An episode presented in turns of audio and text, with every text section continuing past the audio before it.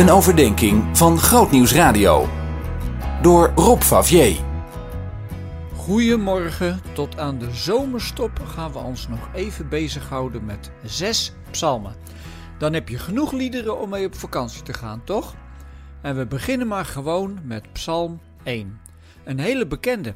Als je die leest, zou je bijna de neiging krijgen je een beetje eenzaam te gaan voelen. Als het over de mensen gaat die God volgen, wordt er in het enkelvoud geschreven. Als het gaat over de tegenstanders van God, dan is het meervoud. Blijkbaar is het veel zeldzamer dat iemand zijn hart en zijn leven helemaal in dienst van God stelt, dan wanneer hij gewoon maar meehuppelt met de rest. Wie zijn dat, de grote massa? Ik kan me soms bont en blauw ergeren aan waar men zich zo al mee bezig meent te moeten houden. Er is zoveel onzin waar mensen hun tijd mee vullen. En het is verdraaid lastig om niet met de mainstream mee te gaan. Nu bedoel ik beslist niet die term die complotdenkers gebruiken hoor. Dan hebben ze het over de mainstream media en komen dan met hele andere, vaak ook hele vreemde en beschuldigende verhalen. Ik bedoel meer dat als je daar allemaal niet aan mee wilt doen, je je soms best een aparte vogel kunt voelen. Waarom doe ik niet wat iedereen doet? Nou, heel simpel. Omdat Jezus dat ook niet deed. En je kunt lezen hoeveel vrucht zijn leven droeg. Onze psalm is best optimistisch trouwens. Ik kom hier niet zoveel tegen van de uitroep: Waarom gaat het vaak zo goed met de goddelozen en slecht met de rechtvaardigen? De dichter heeft het eigenlijk best wel op een rijtje. Als je gelooft, dan gaat het je goed.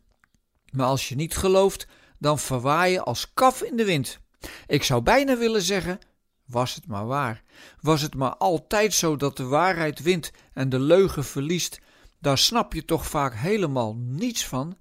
Misschien kunnen we het dan ook maar beter zoeken in het beeld van die boom, die geplant is aan stromend water en op tijd zijn vrucht draagt.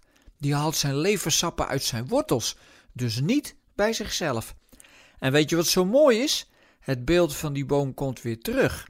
Helemaal aan het einde van de Bijbel, Openbaring 22. Trouwens, de Bijbel begint ook met het verhaal van een boom, de levensboom. Maar het uitzicht dat ons geboden wordt, is een boom die maar liefst elke maand vrucht draagt. En dan denk ik, als wij ook maar een heel klein beetje op die boom zouden mogen lijken, kan de wereld al veranderen. Of werkelijk dan alles wat we doen tot bloei komt, dat is wel erg positief gezegd. Maar als je daaruit durft te leven, kijk je positief de wereld in. En die mensen hebben we nodig. Niet die zeurkousen die alleen maar mopperen op hoe slecht de wereld wel niet is. Als je zo leeft, dan lijk je een beetje op die gelukkige man waar de psalm mee begint. Zien in nog een podcast? Luister naar De Preek van de Week via grootnieuwsradio.nl/podcast.